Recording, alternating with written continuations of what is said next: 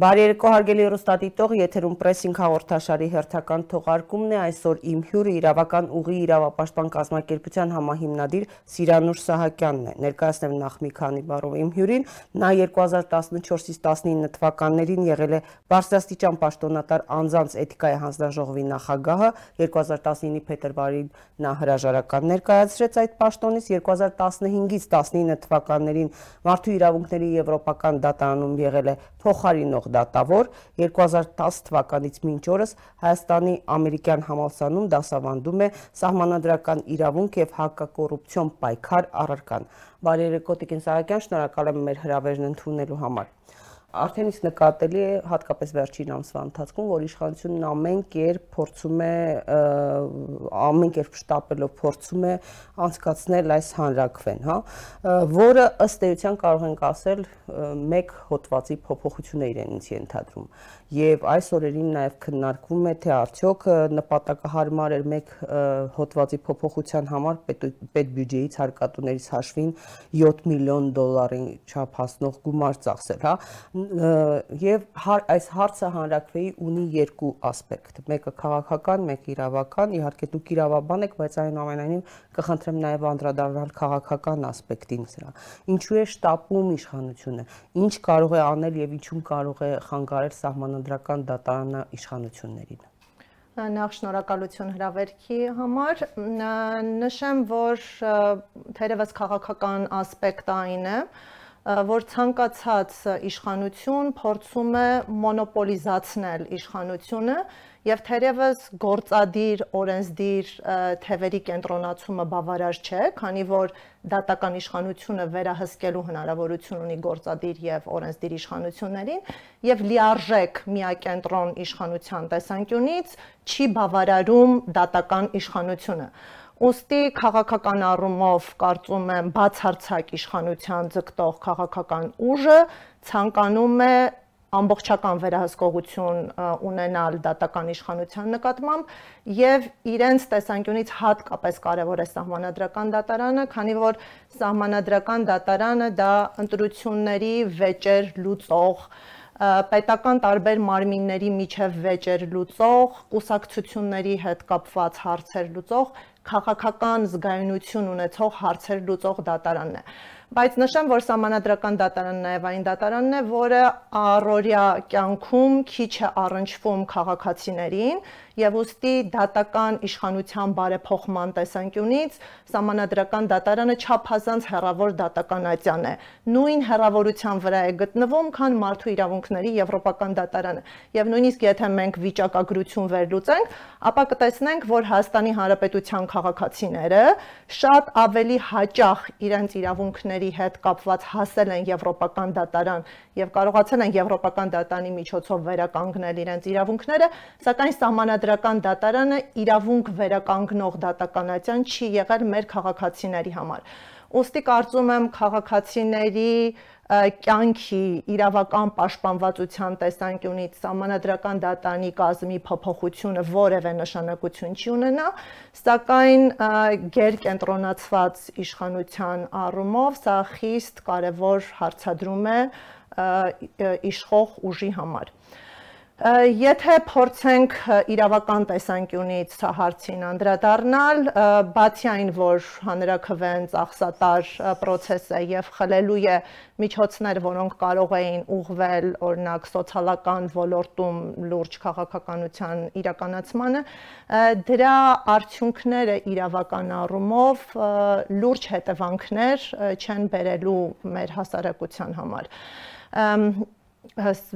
եթե դատավորների տեսանկյունից հարցին անդրադառնամ ներպետական մակարդակում վերջիներս պաշտպանության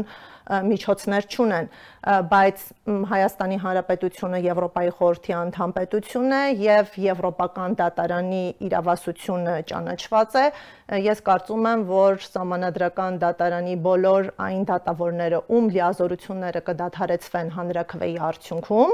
հաջողությամբ իրենց իրավունքները վերականգնելու են Եվրոպական դատարանի միջոցով եւ բացի այն, որ մենք հանրակրվեի գումարային կորուստ ենք ունենալու, նաև պետությունը նույն հարկատուների հաշվին պարտավորված է լինելու վերականգնել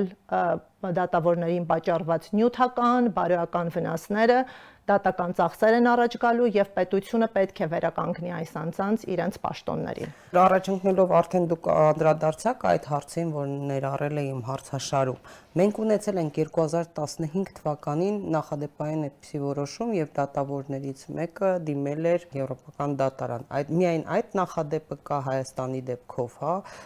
եւ ինչպես է ընթացակարգը լինելու պետք է երկրի ներսում սպարի այդ դատարաններ դիմելու, հա, ճանապարհը թե անմիջապես կարող է դիմել Ինչպես է դա։ Մենք Սաղաթելյան Անահիտի հետ կապված գործ ունենք, որտեղ արձանագրվեց իրավունքի խախտում եւ եթե չեմ սխալվում, իրենց փաստաբանները ներկայումս ներպետական ընթացակարգեր են իրականացնում, որբիսի աշխատանքի վերականգնվի։ Գործընթացը վերահսկվում է Եվրոպայի խորհրդի կողմից։ Ես տեղյակ եմ, որ նաեւ Արայիկ Մելքումյանի լիազորությունների դադարեցման հետ կապված գործ կա Եվրոպական դատարանում եւ չենք բացառում նաեւ համանadrական դատարանի գործող դատավորների կողմից հնարավոր գանգատներ ներկայացնելը։ Կանոնը հետեւյալն է, որ պետք է սպառվեն ներպետական պաշտպանության միջոցները,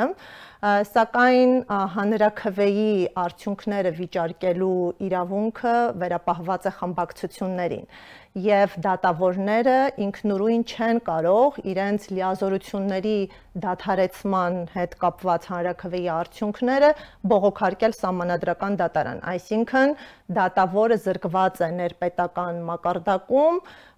իր իրավունքի խախտումը բարձրաձայնելու հնարավորությունից։ Եթե նման հնարավորություն չկա, մենք կարողանում ենք անմիջապես դիմել մարդու իրավունքների եվրոպական դատարան։ Մարդու իրավունքների Եվրոպական դատարանը մի քանի առումով է պաշտպանելու սահմանադրական մի ճշտում էլ կա տարբերություն սահմանադրական դատանի դատավոր է թե այլ դատանի դատավոր կապ չունի նշանակություն չունի պարզապես այլ դատարանների պարագայում մենք գոնե կունենայինք բարձրագույն դատական խորհուրդ որը որպես դատարան հանդես գալով կդադարեցներ լիազորությունները եւ պաշտպանության միջոց կտրամադրեր։ Սահմանադրական դատարանի դատավորների դեպքում մենք ճունենք իրավական ընթացակարգ, մենք ունենք քաղաքական ընթացակարգ, որով առանց օրենքով նախատեսված հիմքերի դադարեցնում ենք դատավորի լիազորությունները եւ այստեղ է որ խիստ խնդրահարույց է գործընթացը քանի որ դատավորների լիազորությունները կարող են դադարեցվել միայն սահմանադրությամբ եւ օրենքով նախատեսված սպառիչ հիմքերի պարագայում առանց հիմքերի դատավորի լիազորություն դադարեցնելը դա կամայականություն է եւ կամայականություններից դատավորները պաշտպանված են եւ սա անկախության կարևորագույն երաշխիք է։ Եվս մեկ ճշտում նշածս դատավորի դեպքում, որ 2015 թվականին գործահասել էր եւ հաղթել էր, հա, մարդու իրավունքների եվրոպական դատարանում հա, դեմ Հայաստանի գործը 4900 եվրոին համարժեք գումարի մասին էր խոսվում կապ ունի որքան է պահանջը ներկայացում տվյալ դեպքում ասենք որտեղ խոսվում է նաև արդյոք կարող է այդքան քիչ նույնիսկ քարկատուների հաշվին 7 դատավորի չափով, ասենք իշխանությունները հաշվել են կարա կորուստեսքան լինի եւ այլն։ Հա թե տարբեր է։ Ուղղակի պահանջն է այդպես ներկայացված եղել։ Կարծում եմ կախված է պահանջից։ Այս դեպքում արդարադատության խորհուրդը որոշում էր կայացրել Արդարադատության խորհրդի որոշման հիման վրա եղել էր նախագահի հրամանագիր, քանի որ դատավորը չէր կարողացել հրամանագիրը եւ արդարադատության խորհրդի որոշումը բողոքարկել դատական կարգով, վկայակոչել էր դատարանի կողմից պաշտպանված լինելու իր իրավունքի խախտում եւ հետագայում բարոյական վնասը հատուցել էր բացառապես դատարանի մաչելիության իրավունքի խախտում, այսինքն այստեղ զրկված էր եղել դատարանի միջոցով իր իրավունքները վերականգնելու հնարավորությունից եւ իհարկե կախված է թե դիմող անձը ինչպես է հիմնավորում կրած վնասները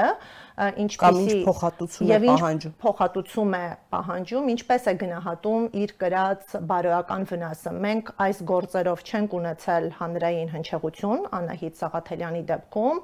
վերջիններիս մասնագիտական կամ այլ գործունեությունը չի քննադատվել, բարձր մակարդակում կասկածի տակ չի դրվել եւ անվստահ վստահություն այդ դատավորի կամ դատական համակարգի նկատմամբ չի սերմանվել պարզապես կարգապահական պատասխանատվության ենթարկելու արդյունքում լիազորությունները դադարեցվել են եւ դատավորը զրկված է եղել դատարանի միջոցով իր իրավունքները պաշտպանելու հնարավորությունից եւ այստեղ ընդհանցակարգային հարց է դրվել եվրոպական դատարանի առջև։ Եթե պահանջ դրվի այս 7 դատավորների կողմից, որպիսի վերականգնվեն, նմանատիպ կարող է նման պահանջ լինել։ Կարծում եմ նմանատիպ պահանջ կարող է դրվել։ Մենք առնվազն մեկ օրինակ ունենք Ուկրաինայի պարագայում,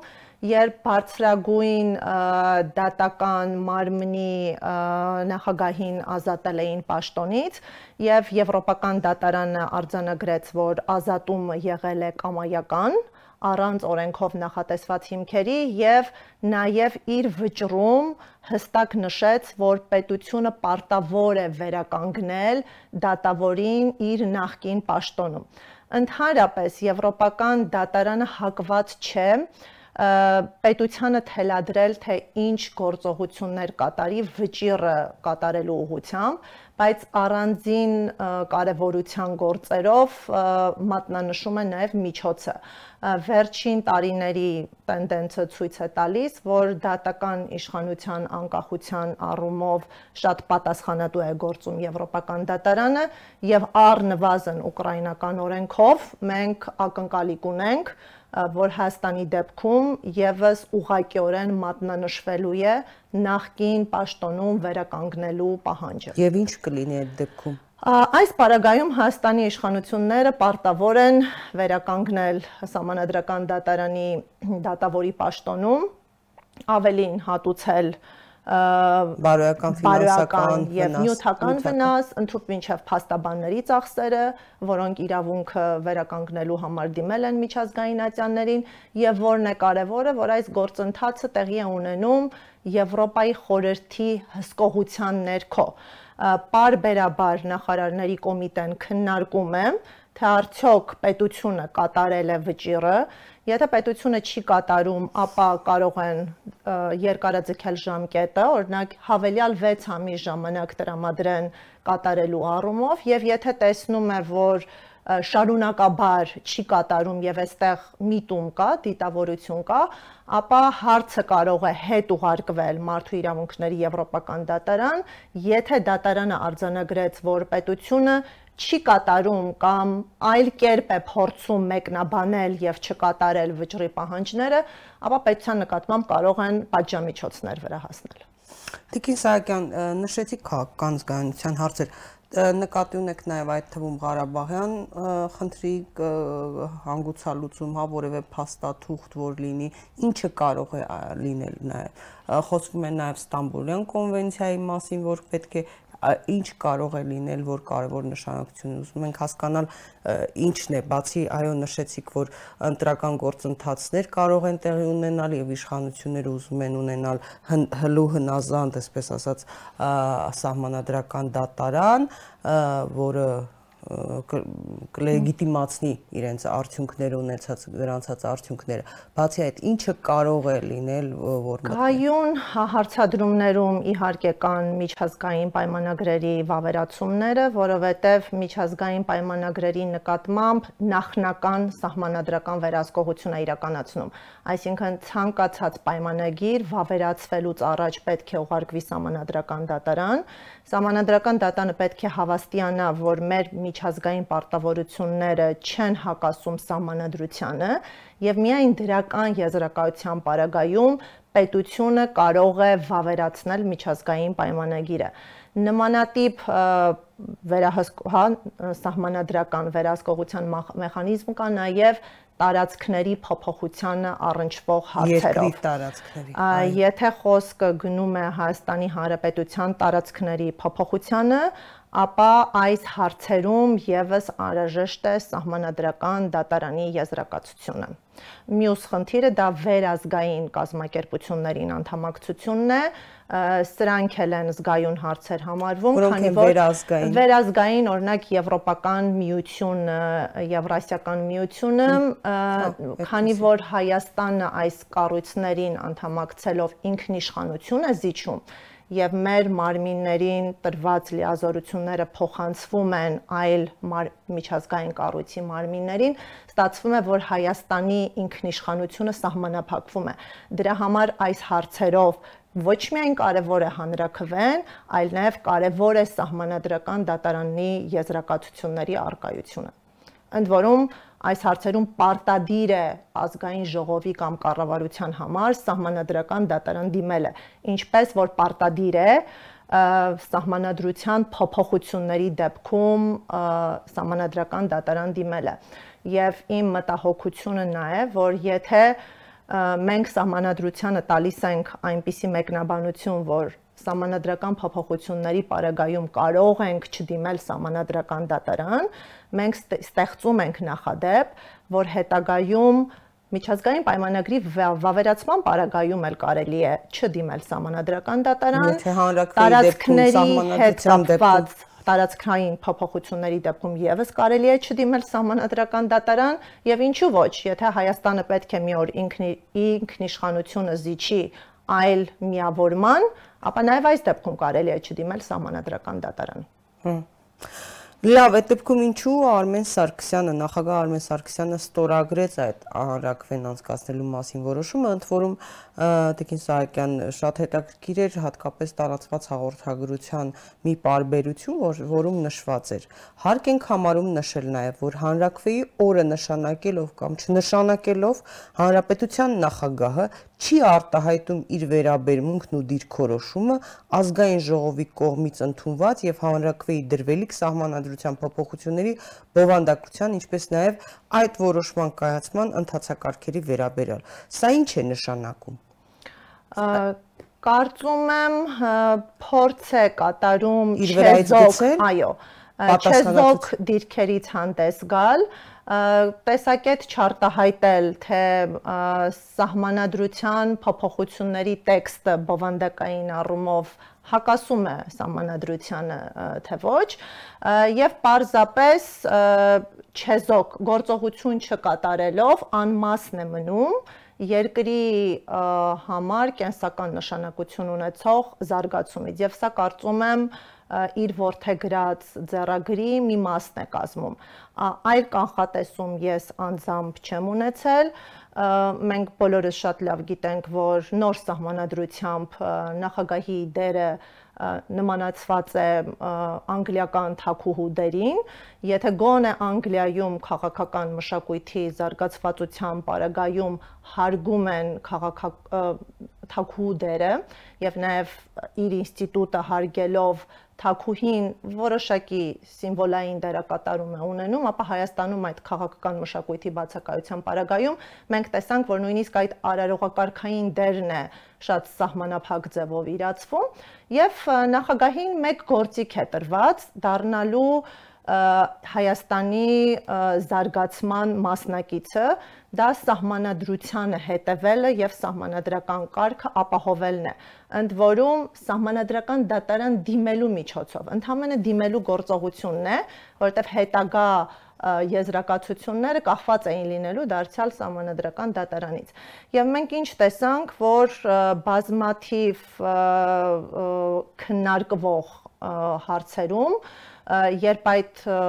վեճը մեղմելու հնարավորություն կար իրավական ուղին ընտրելը,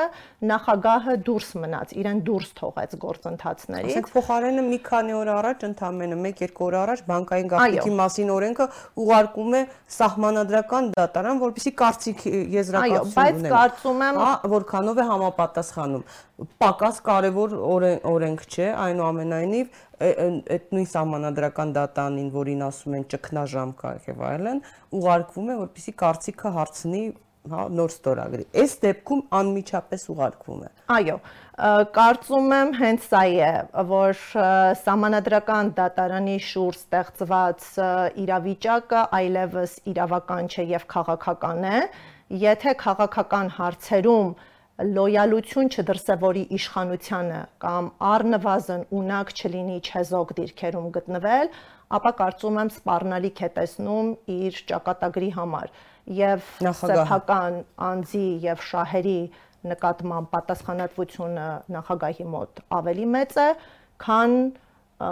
պետական արժեքների նկատմամբ։ Սա իմ անձնական գնահատականն է։ Վարշապետ Փաշինյան առաջին իսկ օրից անդադ ժողովրդի անունից է հանդիս գալիս ժողովրդի հանուն ժողովրդի, ժողովրդի անունից, ժողովրդի միջոցով հիշում եք, բոլորին ասեց դուք վարչապետ եք, որ պահին գաք հանրապետության հրապարակ, հա գաք ասեք, այսպես չենք ուզում, այսպես ենք ուզում, այդպես կլինի։ Իհարկե մարդիկ գնացին նաև շատ հաճախ չեր ընդունում կառավարության շենքի մոտ չեր ընդունելության չէին արժանանում այդ մարդիկ, բայց այնուամենայնիվ անդադ խոսում է ժողովրդի անունից։ Հիմա տեսեք Արմեն Սարգսյանն էլ նախագահ Արմեն Սարգսյանը ըստ էության իր վրայից գցում է եւ թողնում է ժողովրդին։ Ասում է նույնիսկ ստորագրել չստորագրելով կամ ներկայացնելով հանրակրվեի օր նշանակելով ես չեմ ասում դա թողնում է ժողովրդի վրա մի քիչ ինչ որ շատ չէ ժողովրդի վրա պատասխանատվությունը գցել հետո տարիներ շարունակ երբ որ մենք կհայտնվենք մի ծանր իրավիճակում իրավական առումով թե քաղաքական առումով կասեն ժողովուրդն է մեղավոր ժողովուրդն է ընտրել շատ ճիշտ եք մեկնաբանում, կան որոշումներ, որտեղ իշխող ուժը պետք է պատասխանատու ձևով իհարկե ձայն է տվել պետք է որոշում ստանձնի եւ իրեն տրված լիազորությունը կայացնել որոշումներ իրացնի եւ նաեւ ունենա այն ուժը, որով ցույց կտա, որ կրելու է թե դրական եւ թե բացական հետևանքները, հա, այդ ուժի կողմից կայացված որոշումների։ Բայց մենք տեսնում ենք վիճակ, որ խուսափում են որոշումներից եւ այդ որոշումների կայացումը, ընդ որում այնպիսի որոշումներ, որոնք կարող են նպաստել ոչ թե հասարակության միասնականացմանը, այլ տրոհմանը եւ նպաստեն բացական երևույթների տարածումը եւ քայքայ հասարակության քայքայումը կարծես թե այս պատասխանատու որոշումների կայացումը հետ է ուղարկվում ժողովրդին որը այնքան էլ ընդունելի մոտեցում չէ, որովհետև ժողովրդավարությունը ենթադրում է, որ ընտրությունների միջոցով, որը բնականաբար պետք է ընթացակարգային եւ կանոնների առումով ապահովի հավասարություն եւ արդարություն, ընտրվեն ներկայացուցիչներ եւ այդ ներկայացուցիչները իրականացնեն իշխանությունը Եվ առանձին դրվագներով մենք այո ունենք նաև անմիջական ժողովրդավարության ինստիտուտներ, ինչպիսին է հանրակրվեն, որ պետություն ժողովուրդը կարող է առանձին որոշումներին մասնակից դառնալ։ Բայց այդ առանձին որոշումների շրջանակն էլ խիստ նեղացված է, եւ մենք համանadrական մակարդակով ունենք արգելքներ, թե որ դեպքում չի կարելի որոշումների կայացումը հետ պատվիրակել ժողովրդին, որտեղ այստեղ նախ ժողովուրդը հավաքական առումով չի կարող կոմպետենտ որոշումներ կայացնի եւ մյուս կողմից շահեր ունի։ Օրինակ հարկային քաղաքականության հետ կապված հարցերը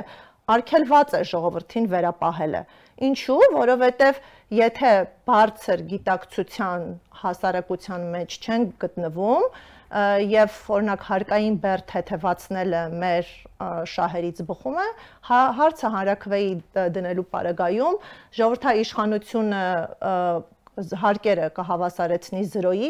եւ պետությանը կզրկի հանուն ընդհանուրի հարցեր լուծելու հնարավորությունից։ Եվ որքան էլ որ պատահական չէ, արգելված է սահմանադրական օրենքների առարկա հանդիսացող հարցերը պատվիրակել ժողովրդին իսկ դատավորների լիազորությունների դադարեցումը դա սահմանադրական օրենքի կարգավորման առարկա է ժողովուրդը իրավասու չէ որոշել թե արդարադատություն իրականացնող դատավորին երբ կարելի է լիազորությունները դադարեցնել ինչ հիմքերով, որ դեպքերում ժողովուրդը հավաքական ձևով չի կարող գնահատել մասնագիտական հարցեր ես կարծում եմ, որ այստեղ ժողովրդի անունը շահարկվում է ճիշտ այնպես, ինչպես հակակրոնական, հակաարժեքային մարդիկ հաճախ Աստծո անունից են չարագործություններ կատարում։ Ես կարծում եմ, որ եթե ժողովուրդը իսկապես արժեք է, նախ չի կարող անվանարկվել եւ նաեւ ժողովրդի անվան տակ չեն կարող քողարկվել անպատասխանատու որոշումները։ Ի վերջո նույն իհարկե Շվեյցարիայի օրինակը բերեց նաև նախագահը, կա նաև Իտալիայի օրինակը, ասենք Ֆլորենցիայում կարող են հանրակրվեով որոշել քաղաքը թողնում են հին սալիկներով, թե ասֆալտապատում են եւ դա դրվի հանրակրվեի կամ այլ հարցեր, բայց ոչ նմանատիպ հարցեր, որը ըստ էության, ինչպես դուք նշեցիք, սահմանադրական դատանը սահմանադրությունը շատերի համար հասկանալի չէ եւ քաղաքացիները ամենակիչն են առնչվում սահմանադրական դատարանի հետ։ Իդեպ մի օրինակ էլ Նիկոլ Փաշինյանը ապրիլի 5-ի այդ հանրակրվեի օրը, երբ որ արդեն որոշվեց, նախագահը ստորագրեց, այսպեսի գրառում կատարեց, իհարկե Facebook-ում հետո խմբագրեց, սկզբում գրել էր ապրիլի 5-ին հեղափոխության ասում ենք այո, ազատության ասում ենք այո, ապագային ասում ենք այո, եւ անցյալի վրա շրխկացնում ենք դուրը, Հետո հասկանալով, որ անցյալի վրան չի հասկացվում, խմբագրել էր Facebook-ում, գրել էր եւ կոռուպցիոներների վրա շրխկացնում ենք դուրը։ Այսինքն ականջահաճո փորձում է ներկայացնել իր տեսակետը, թե ինչու են որոշել այս մի նախադասությունը փոխելու համար հանրակրվե անել։ Կա հետաքրքիր ուսումնասիրություն, թե հանրակրվեները, որոնք կատարվել են իշխանությունների կողմից. Հայաստանում? Ոչ միայն Հայաստանում ամբողջ աշխարհում ինչ արդյունք են ստեղծել հասարակությունների համար եւ այդ հետազոտությունները հետաքրքիր օրինաչափություններ են դուրս բերել դրանցից մեկը հետեւյալն է որ եթե իշխանությունը պոպուլիստական է անպայմանորեն ձգտում ունի դառնալու ավտորիտար եւ պոպուլիստական իշխանության լավագույն լծակը դրանք հանրակրվեներն են եւ ժողովրդի օգտագործումն է եւ ուսումնասիրությունը ցույց է տվել որ այս գեղեցիկ ժողովրդաիշխանության անվան տակ օրինակ աֆրիկյան երկրների հանրակրվեները բացառապես հանգեցրել են սուպեր նախագահական նախագահների պաշտոնավարման ժամկետի երկարաձգմանը։ Շատ հետաքրքիր օրինակ է համարվում Թուրքիան, նորից այս տեսանկյունից ուսում պոպուլիստական շարժումների տեսանկյունից, երբ որ Էրդողանը 2007 թվականից 17 թվականների ընթացքում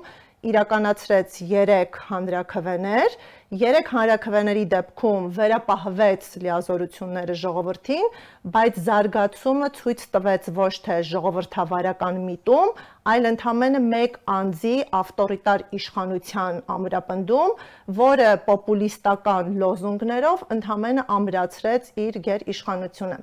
Եվ այս հետևությունները, որոնք կատարվել են, հիմնականում վկայում են նրա մասին, որ պոպուլիստական իշխանությունները ունենալով ժողովրդական աջակցություն,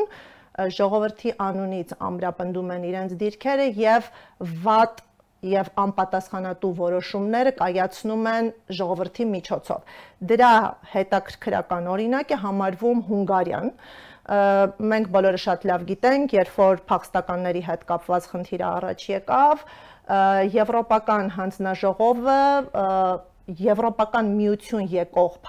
փախստականներին բաշխեց Եվրոպական միության անդամ պետությունների միջև եւ ժողովրդավարական երկրները հասկանալով այդ հումանիտար ճգնաժամը իրենց հասարակություններին պատրաստեցին որ նաև ընդունեն այլազգի փախստականներ եւ այդ հումանիտար խնդիրը կարողանան սոցիալական, հա, ներդրման միջոցով իրականացնել։ Հիմա հունգարական իշխանությունները ոչ թե առերեսվեցին այս խնդրին եւ փորձեցին ավելի ճիշտ լուծումներով զարգացնել իրենց տնտեսությունը եւ համամարտկային նպաստ ունենան նաեւ փախստականներին աջակցելով, այլ դեմ արտահայտվեցին փախստականների ընդունման գաղափարներին, պոպուլիստական լոզունգներով սկսեցին աշխատել ժողովրդի հետ եւ այս խնդիրը թողեցին ժողովրդին։ Այսինքն հակա իրավական, հակամարտկային, հակաբարոյական լուծումը, որը ոչ իրավական էր գնահատվում ամբողջ եվրոպական համայնքի կողմից եւ անգամ հանգեցնում էր Հունգարիայի նկատմամբ պատժամիջոցների կիրառման, ընդհանրապես թողեցին ժողովրդին եւ այդ նեգատիվ բարոյալքվածությունը հետագայում պետք է կրեր ժողովուրդը։ Իհարկե, հունգարական օրինակի պարագայում ժողովուրդը շատ ավելի խոհեմ գտնվեց, եւ ըստ էության հանրակրվեն իշխանություններին ոչինչ չտվեց, որտեվ այդ մասով աջակցություն չստացան։ Բոլոր դեպքերում այս եւ նմանատիպ այլ դեպքերը ցույց են տալիս, թե այս ինստիտուտների հետևում ինչպես կարող են քողարկվել, թաքնվել ոչ պատասխանատու իշխանությունները։ Ի վերջո Brexit-ն էլ չէր, ինչ որ պոպուլիզմի հետևանք արդյունք, ահա, ասիկ, այսինքն Brexit-ը, որ հիշում եք, հետո հարցումներ էին անում, մարդիկ չգիտեին ընդհանրապես Brexit-ն ինչ է, ինչու են կողմ կամ դեմ եղել դրան, հա, եւ ինչ հետևանքներ դեռ կունենա։ Եվ կարծում եմ Հայաստանի համար սա նաեւ արտաքին ասպեկտ ունի։ Մենք չմոռանանք, որ Ղարաբաղյան հարցի լուծման հարցում քննարկման առարկա է նաև հանրակրվեն այսինքն մենք այս ինստիտուտին հատկապես շատ կարևոր պետք է տենց զգուշությամբ վերաբերվենք եւ եթե հանկարծ որոշենք որ հակա իրավական հիմքերով ժողովրդական տրամադրությունների հետ խաղալով հանրակրվեն կարող է արդյունք տալ եւ այդ արդյունքները օգտագործվեն որպես իրավական արդյունքներ, մենք չենք բացառելու, որ այս մոտեցումները Ադրբեջանը օգտագործելու է Հայաստանի Հանրապետության դեմ չենք բացառելու, որ իրանք էլ կունենան հարակվեի եւ ժողովրդաիշխանության վերաբերյալ իրենց պատկերացումները, իրենց տարածքում ադրբեջանական համայնքի մասնակցությամբ կիրականացնեն հարակվե եւ դրանով կլուծեն օրինակ Լեռնային Ղարաբաղի հանրապետության ինքնավարության աստիճանը եւ այդ ժողովրդաիշխանության արդյունքը կփորձեն միջազգայինորեն պարտադրել հանրությանը եւ նաեւ Հայաստանի Հանրապետության, ինչպես որ Հայաստանի Հանրապետությունը փորձ կանի հակասահմանադրական, հակաիրավական հանրակրվեի արդյունքները մատուցել Եվրոպային։ Այսինքն ես կարծում եմ, որ այս հարցը թեև ներքաղաքական է, բայց մենք մի գործիք օգտագործելուց չպետք է մոռանանք, թե մեր ճշնամիները մեր կողմից օգտագործված գործիքները հետագայում նույն նպատակով, նույն ձևով, ինչպես են ուղղելու մեր ազգային շահերին։ Իդեպ ես որ նշեցի Փաշինյանի գրառումը, հիշեցրեցի, որ հանրակրվեին ասելով այո կոռուպցիոնների վրա շրխկացնում ենք դուրը, ուզում եմ հասկանալ, օրինակ այս երկու տարվա ընթացքում ահա տեսեք քաղաքաշինության նախարար Վերմիշյանը ձերբակալվեց կաշառքի համար պետական պարգև ստանալու համար մեկը կաշառել էր կամ ինքն էր կաշառել գործ հարուցվեց իր նշանակումներից էր, հա, նոր նոր Հայաստանի, այսպես ասած, նշանակումներից էր եւ ինչ կապ ուներ սրա հետ Հրայր Թովմասյանը կամ Սահմանադրական դատարանը։ Հիշում ենք ամիսներ առաջ առողջապահության փոխնախարարի դեպքը կոռուպցիոն երևույթ էլի հիշում ենք Դավիթ Սանասարյանինը հիշում ենք որ դեռ ընթացքի մեջ է գործը հիշում ենք կրթության փոխնախարարին ընդ որում իրենց հետ քայլողներից ինչ կապ ունի սահմանադրական դատարանը ինչ կապ ունի Հրայր Թովմասյանը երկրում կոռուպցիայի դեմ պայքար տանելու հարցում հա կարծում եմ որևէ կապ առնչություն չունի դրանք ուղակի շահարկումներ են շատ մակերեսային թեզեր են որոնք ոչ գիտակ, ոչ տեղեկացված խմբերի մոտ կարող են արժեք ունենալ մենք սահմանադրական դատարանին որպես կոռուպցիոն օղակի վրա դուրը շրխկացնելու պնդումը կարող էինք ներկայացնել, եթե առնվազն թե նախկին եւ թե ներկա իշխանությունների օրոք ունենանք սահմանադրական դատարանի դատավորների մասնակցությամբ կոռուպցիոն սկանդալներ մինչդեռ մենք տեսնում ենք, որ կոռուպցիոն սկանդալներ սահմանադրական դատարանի շուրջ չկան, ճիշտ հակառակը ստեղծվում են քաղաքական սկանդալներ, հետապնդում, այո։ Առհասարակ սահմանադրական դատարանի դատավորների անձերի շուրջ նույնիսկ այլ մակարդակներով խոսակցություններ չկան նաև մենք մեծականակ գործեր ճունենք ընդհանուր հա դատավորների մյուս դատավորների մասնակցությամբ եւ հասկանալի է որ ինչպես այլ ոլորտներ, այնպես էլ դատական համակարգում կոռուպցիոն դրսևորումներ կլինեն, բայց մենք ճունենք օազիսի էֆեկտ, որ ունենք կոռուպցիայից ազատ ոլորտներ, իշխանության թևեր, գործադիր եւ օրենսդիր, որոնք որտեղ 0 մակարդակի կոռուպցիա է եւ դրան ի հակադրություն ունենք սահմանադրական դատարան կամ բացառապես դատական իշխանություն, որը թաթախված է կոռուպցիայի մեջ։ Այսինքն այստեղ որևէ բանական փաստարկում գոյություն չունի։ Եվ մյուս կողմից մենք կարծում եմ սնահավատներ չենք, եւ որևէ հասարակություն ընդհուպ մինչև սկանդինավյան երկրները, որոնք լավագույն ցուցանիշներն ունեն կոռուպցիայի դեմ պայքարում, ընդունում են կոռուպցիոն դրսևորումների գոյությունը եւ որևէ հասարակություն հատկապես Հայաստանի հասարակությունը ոչ մի ժամանակահատվածում ազատ չի եղել եւ չի լինելու կոռուպցիայից։ Այլ հարց է, որ կոռուպցիան բերվի վերահսկելի կանխատեսելի մակարդակի եւ մենք հզորացնենք կոռուպցիայի դեմ պայքարող կառույցներին, որpիսի այդ դրվագները ստանան իրենց պատասխանը եւ հակազդեցությունը։ Հիմա, եթե մի կողմից լսում ենք քաղաքական հայտարարությունները, դրանք շատ հրապուրիչ են, բայց հետո նայում ենք նույն Transparency International-ի կոռուպցիայի ընկալման համաթիվը, ընդ որում մենք բոլորը շատ լավ հասկանում ենք, որ Transparency International-ը մեծ աջակիցն է գործող իշխանությունների եւ թե իր մասնագիտական ներուժը եւ թե բարոյական օրերին եւ հիմա աջակցում է ամեն ինչը ցուցաբերում է իշխանություններին եւ այդ ամեն ինչը մի կողմ թողնելով, եթե նույնիսկ տեսականորեն համարենք, որ դա օբյեկտիվ գնահատական է, դարձյալ վերահաստատում է, որ Հայաստանում կոռուպցիան շարունակում է կրել համակարգային եւ համատարած բնույթ։ Թեև հետ հեղափոխական երկրներում էйֆորիայի ֆոնին նույնիսկ այս գնահատող կառույցները հակված են սենց ասեմ շատ մեծ թրիչքաձև միավոր տալ պետությանը, որբիսի հեղափոխական, հա, այդ տրամադրությունները ողջևորեն,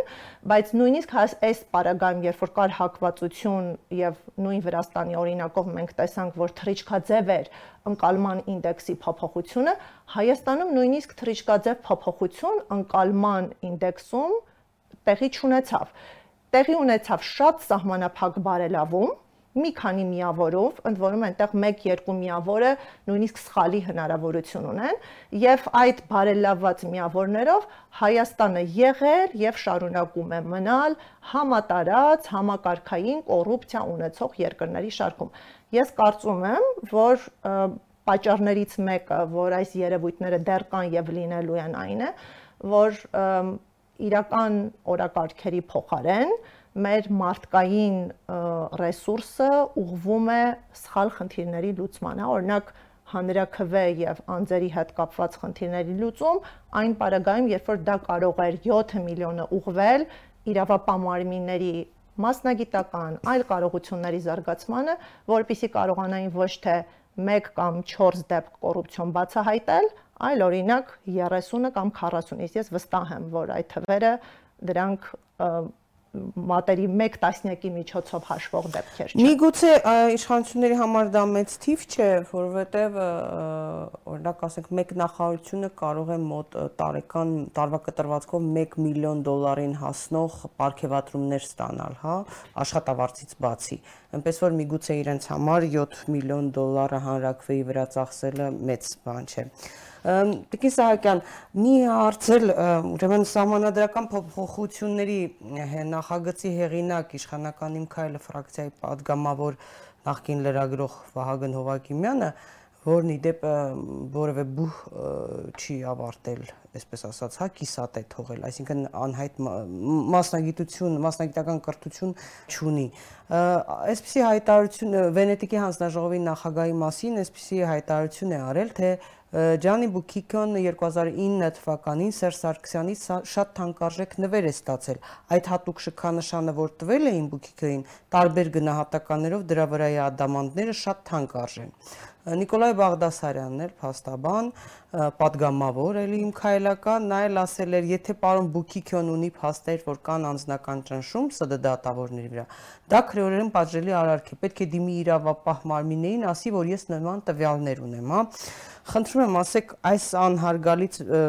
վերաբերմունքը միջազգային կառույցի ղեկավարի նկատմամբ ինչպիսի հետևանք կարող է ունենալ եւ ամբողջացնել որպեսի ամբողջական լինի մի մեջ բերում էլ անեմ Տիկին Սահակյան նաեւ իմ Քայլ Խմբակցյան այլ падգամավոր Սուրեն Գրիգորյանը իրավաբան 168-ին տված հարցազրույցում ասել է, որ սահմանադրական փոփոխությունների հարցով Վենետիկի հանձնաժողովին չդիմելը պետք է լինի բացառիկ պրակտիկա։ Միևնույն ժամանակ ասել է, որ շարունակելու են համագործակցել Վենետիկի հանձնաժողովի հետ, հատկապես սահմանադրական փոփոխությունների հանձնաժողովի կատարվելիք աշխատանքների շրջանակում ըստ հարմարության փաստորեն ստացվում է։ Կբացատրեք սա ինչով է այս ամեն ինչը հղի Եվրոպայի խորհրդի հայտարարությունը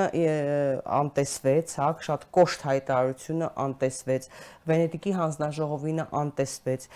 Եվրոպա Եվրոպական ժողովրդական կուսակցության հայտարարությունը, որը եվրոպական քաղաքական ընտանիքի ամենամեծ քաղաքական ուժերից մեկն է եւ որին ուզում է անդամակցել իմ քայլը, քաղաքացիական պայմանագիր իշխանական կուսակցությունը, համ ուզում են անդամակցել, համ ասում են դա բան չէ հանրապետականների հետ են համագործակցում։ Այս ամենը խնդրում եմ շատ առարկայական կարող եք բացատրել այս ամենով հանդերձ։ Ինչ հետևանքներ, իրական հետևանքներ կարող է ունենալ Հայաստանի քաղաքացու պետության վրա։ Կարծում եմ այս հարցի պատասխանը հենց տվել է իր ուղերձի մեջ։ Բուկին խոսում էր քաղաքական հասունության մասին, նշելով, որ ժողովրդավարության կառուցումը դա ամեն մարդու կամ ամեն ժողովրդի խելքի գործը չէ։ Ժողովրդավարությունը պետք է վաստակել իսկ ժողովրդավարություն վաստակելու համար պետք է ունենալ արժեքներ, հասունություն, հմտություններ։ Պետք է նախ հզորանալ, որpիսի ձեռք բերել ժողովրդավարական արժեքը ինչպես որ կյանքում ցանկացած թանկարժեք իր երևույթ մենք պայքարում ենք եւ պայքարով ենք ձեռք բերում այնպես էլ ժողովրդավարությունը դա ոչ թե երկնքից թափվող մանանա է որը ցանկության դեպքում վաստակում են, այլ դա պայքարի, գրագետ ճիշտ պայքարի հզորացման միջոցով ձեռք բերվող արժեք է, որը կապահովի այդ ժողովրդի բարեկեցությունը եւ արժանավայել հարգալից կյանքը։ Հիմա Բուքինգոն նշել էր, որ որpիսի Հայաստանը զարգանա ժողովրդավարական տեսանկյունից, պետք է փոխվի քաղաքական մշակույթը։ Փողոցային սպառնալիքները Դրանք բնորոշ են փողոցային խնդիրներ լուծող մարդկանց։ Դրանք չեն կարող համապետական, համազգային խնդիրներ լուծող մարդկանց բնորոշ լինել։ Եվ եթե Հայաստանը իր արժև խնդիր է դրել երբևիցե դառնալ բարեկեցիկ պետություն, ապա պետք է ուժ գտնի իր մեջ ձևավորելու այդ քաղաքական մշակույթը։ Հիմա մեր քաղաքական ուժի նմանատիպ հայտարարությունները նախ վերահաստատեցին Բուքինգյոյի մտահոգությունը, որ մենք իսկապես գործ ունենք տհաս քաղաքական ուժի, տհաս ներկայացուցիչների հետ, որոնք չեն կարող իրենց վատ մշակույթից դուրս գան եւ համազգային լուրջ խնդիրներ լուծել։ Եվ այն, որ Booking.ն ունի հեղինակություն եւ Booking.ի ձայնը լսելի է ամբողջ աշխարհով, հետեւաբար որpիսի կարողանան քննադատեն նախ եւ առաջ պետք է այդ մարդու հեղինակության 1/100-ական մասը կարողանան ձևավորել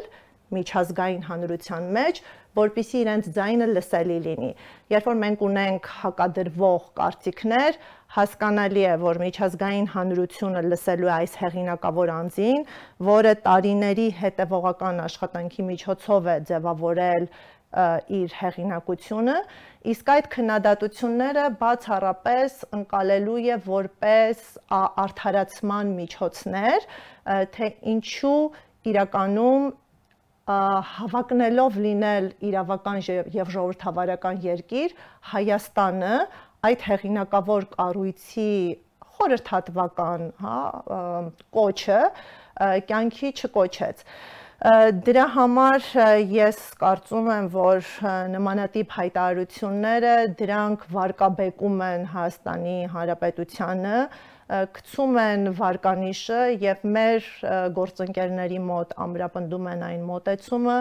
որ Հայաստանը հերույ է իրական ժողովրդավարություն լինելուց եւ միգուցե նաեւ սկսում են ըմբռնումով մոտենալ որ Հայաստանը եւ հայ ժողովուրդը դեռևս չի վաստակել բարեկեցիկ, ապահով եւ անվտանգ ապրելու այդ իրավունքը։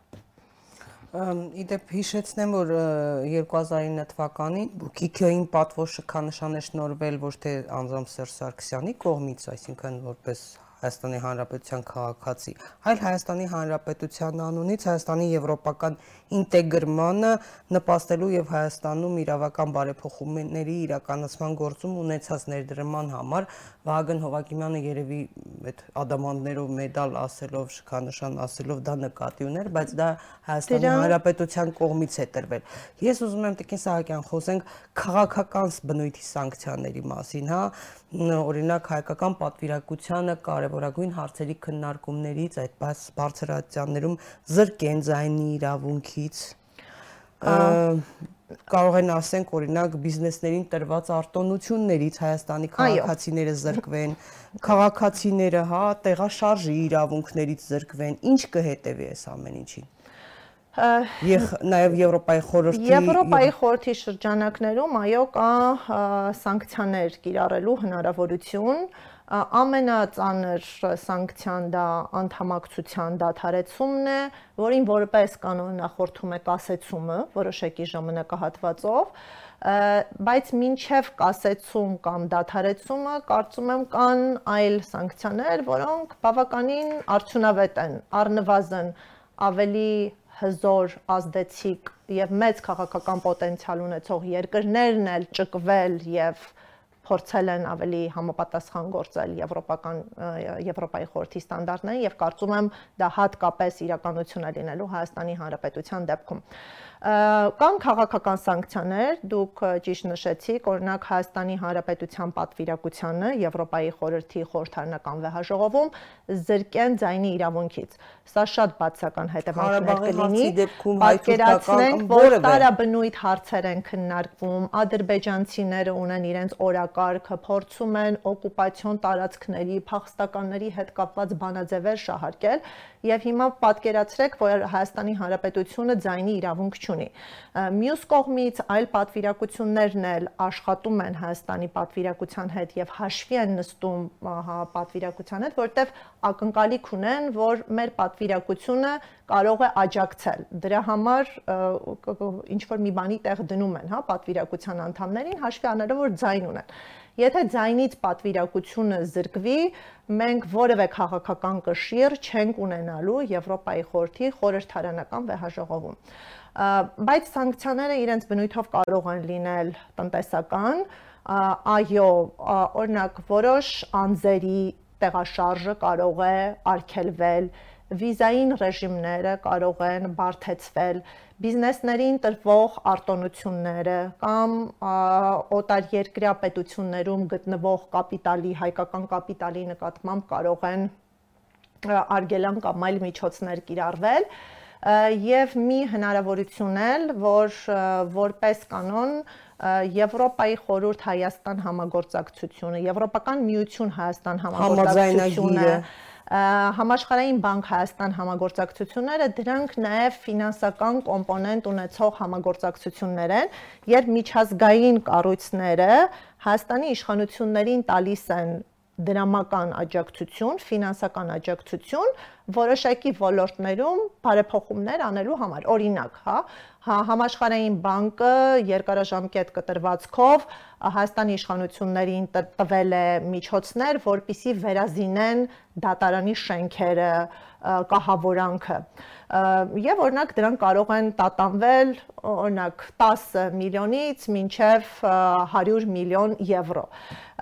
երբ իրավական տեսանկյունից մենք խնդիրներ ենք ունենում, որպես կանոն այս կառույցները հրաժարվում են ֆինանսական աջակցություն տրամադրել կամ ֆինանսական աջակցության տրամադրման նախապայման են դնում պարտադիր գործընթացները, հա, օրինակ կարող են դնել համանadrական դատարանի դատավորներին իրենց նախկին պաշտոնին վերականգնելը, եթե հանրակրվեի արդյունքները այլ լինեն կամ զերծ մնալ որոշակի գործընթացներից։ Ոստի կարծում եմ, որ այս ֆինանսական կոմպոնենտը եւս մեծ նշանակություն է ունենալու Հայաստանի համար։ Գործընկերները կհրաժարվեն բարեփոխումներ ֆինանսավորելուց, եթե Հայաստանը չգործի Եվրոպայի խորհրդի շրջանակներում ստանձնած իր պարտավորություններին համահունչ։ Մի օրինակ բերեմ ուղակի, որ ավելի հստակ լինի, պատկերացնում ենք, չէ, Կիպրոս-Թուրքիա հարաբերությունների մեջ որքան դժվար էր լինելու Հյուսային Կիպրոսի թուրքական հանրապետության հետ կապված վճռի կատարումը, երբ Թուրքիան պետք է միլիոնավոր դոլարներ վճարեր Կիպրոսին կամ Կիպրոսի քաղաքացիներին եւ Թուրքիան բավականին ծանր խաղացող է Եվրոպայի խորհրդի շրջանակներում, նախ որովհետեւ ունի իրեն աջակցող գործընկերներ, որոնք Թուրքիայում ունեն շահեր եւ պատրաստ են նաեւ թուրքական շահերը սատարելու եւ նաեւ համարվում է Եվրոպայի խորհրդի կարևոր լուրջ դոնորներից մեկը եւ այդ կառույցի գոյությունը ֆինանսական մեծապես կախված է նաեւ Թուրքիայից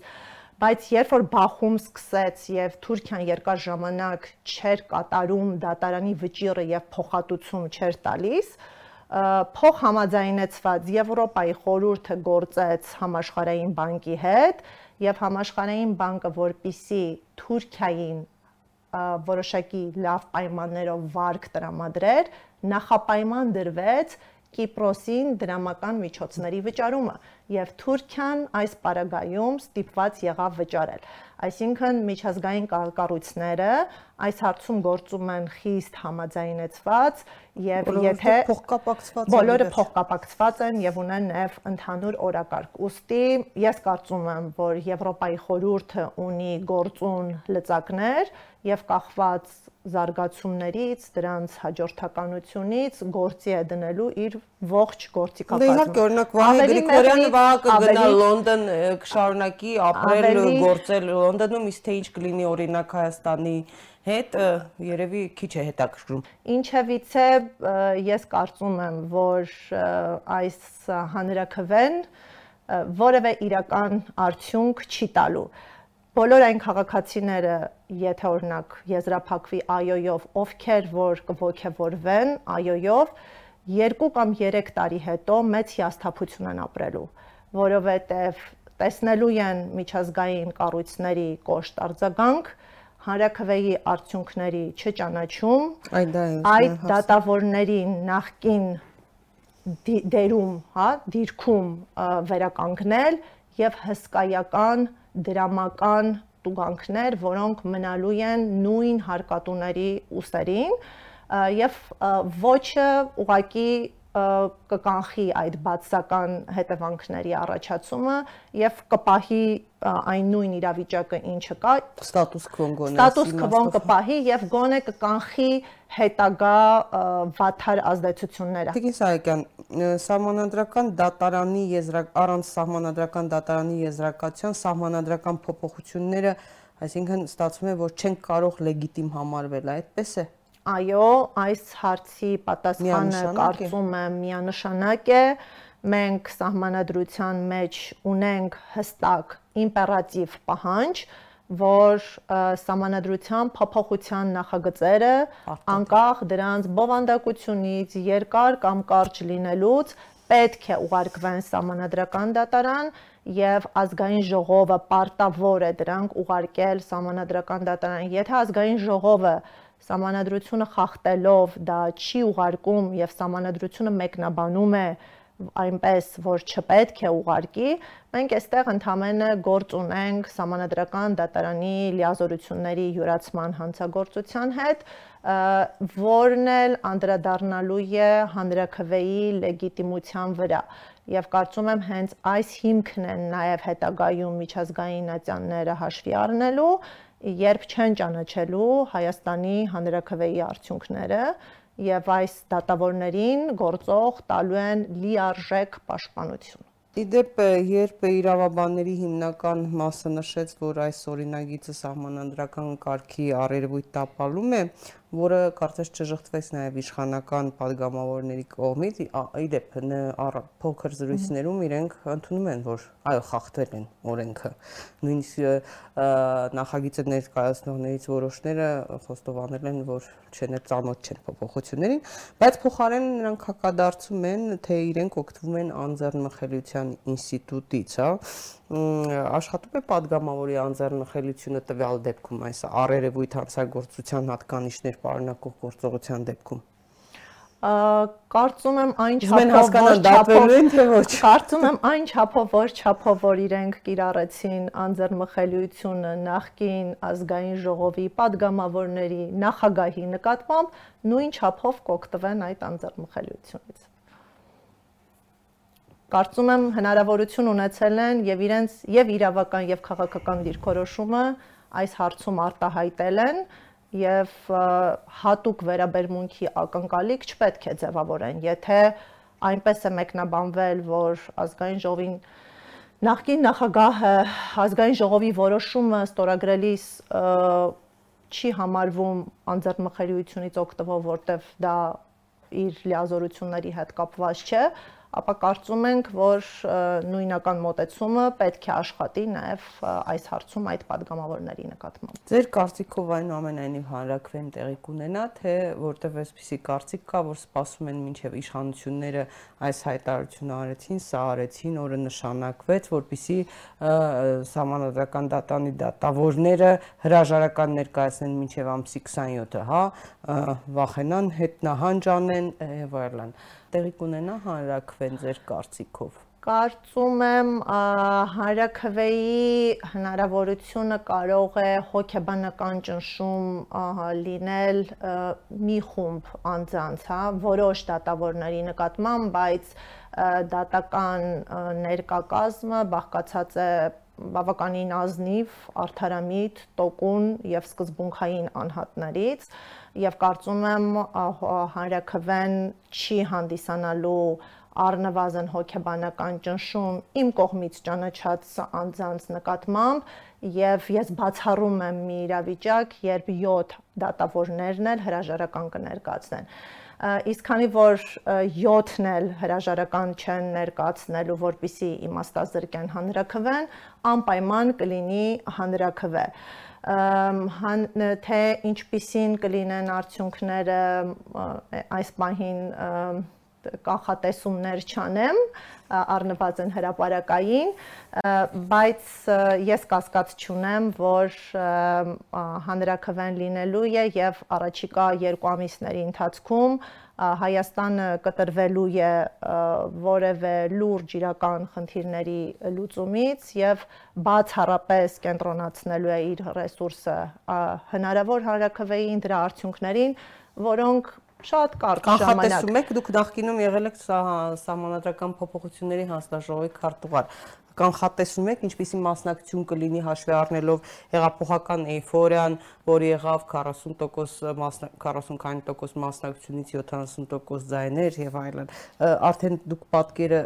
ձեր համար ուրվագեցնում եք շատ ավելի պակաս մասնակցություն կլինի քան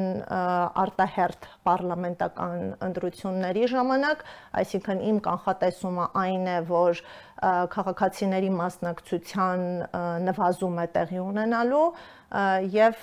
նաեւ կանխատեսում, որ այդ բարձր ողջավորության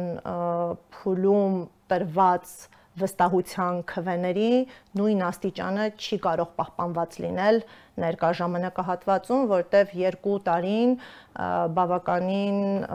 ներկայացական ժամկետ է, որբիսի հստակ արդյունքներ, փոփոխություններ եւ արդյունքներ փոփոխություններ լինեն եւ կարծում եմ այն քաղաքացիները, որոնք կտրուկ փոփոխություններ իրենց կյանքում չեն զգացել, նույն ողջավորությամբ չեն տալու իրենց վստահություն։ Բայց օրինակ ստացվում է, որ բնականաբար եւ Փաշինյանը եւ կառավարության բոլոր անդամները գիտեն, թե ինչպիսին է պատկերը վստահության առումով, հիասթափությունների եւ այլն, որ բավական ցածր է հիմա։ Գնում են ինքնասպանության, այսպես ասած, ճակերտավոր այս հանրակրվեով, որովհետեւ կարծիքներ կան, որ այս հանրակրվեով փորձում են վերաթարմացնել իրենց ռեյտինգը, իրենց շուրջ էйֆորիան, հեղափոխական կոչերով, տեսեք, բանաստեղծությունները ոտանավորներ է գրում, հիմա շուտով երգը կլինի, երգի տեսահոլովակ եւ այլն, էլի նույն ձևով Ալեն Սիմոնյանն ասել է ակտիվորեն մասնակցելու է Փաշինյանը, գնում են ինքնասպանության, եթե փորձում են նորից այս այս նույն կերպ վերաթարմացնել նոր ռեյտինգավորել, այսպես ասած, իրենց կարծում եմ ունեն որոշակի կանխատեսումներ, իրավիճակի գնահատում եւ նույն ժամանակ լավ տիրապետում են իրենց ընտրող ընտրողին եւ վստահություն ունեն, որ այն խումբը ով վստահում է, ովքեր որ վստահում են գործող քաղաքական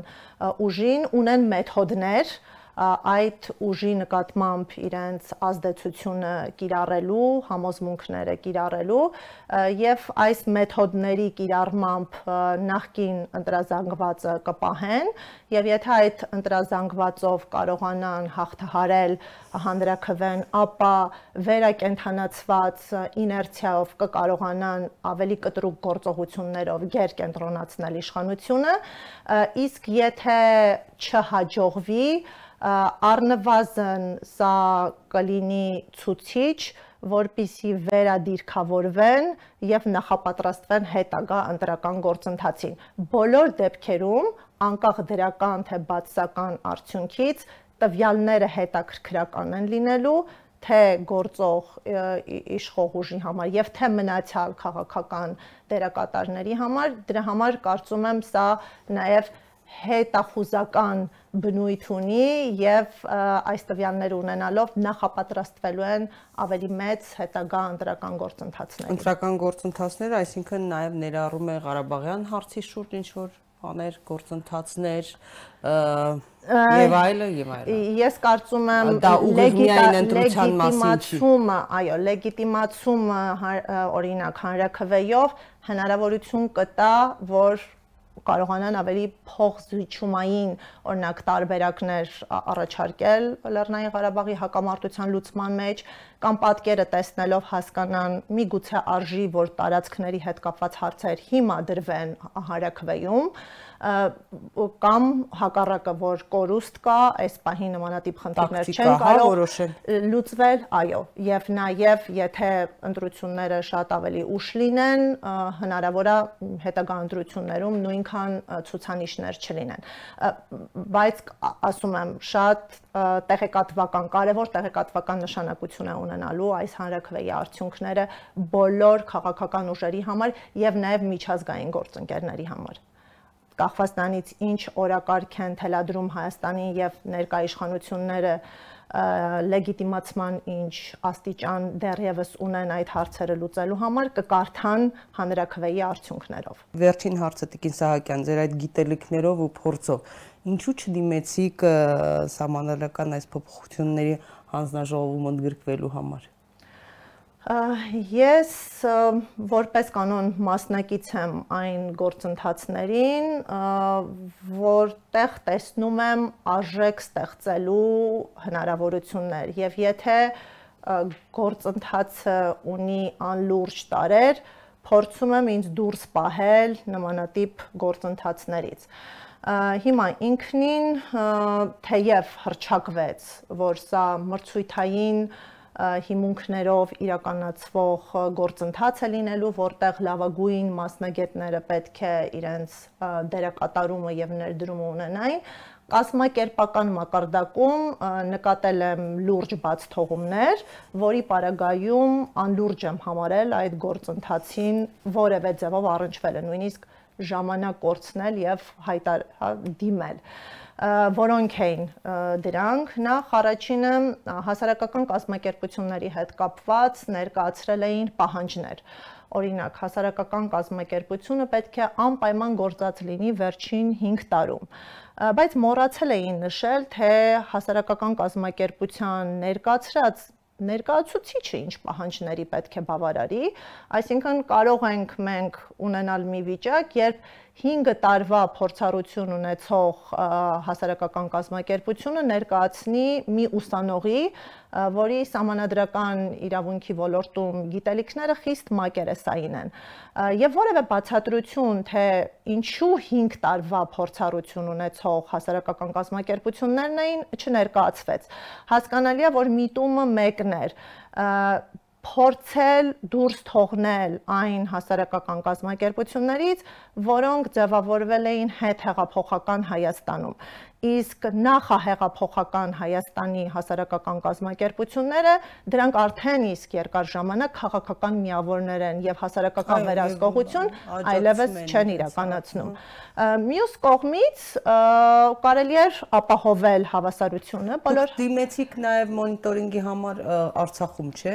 կազմակերպությունը եւ այ նման հարցի բախվեցիք Այո, մենք այդ դեպքում եւ ընտրվեց մի քանի օր առաջ ստեղ ստեղծված։ Մենք իրականում չդիմեցինք, որովհետև մրցույթ չէր եղել եւ պարզապես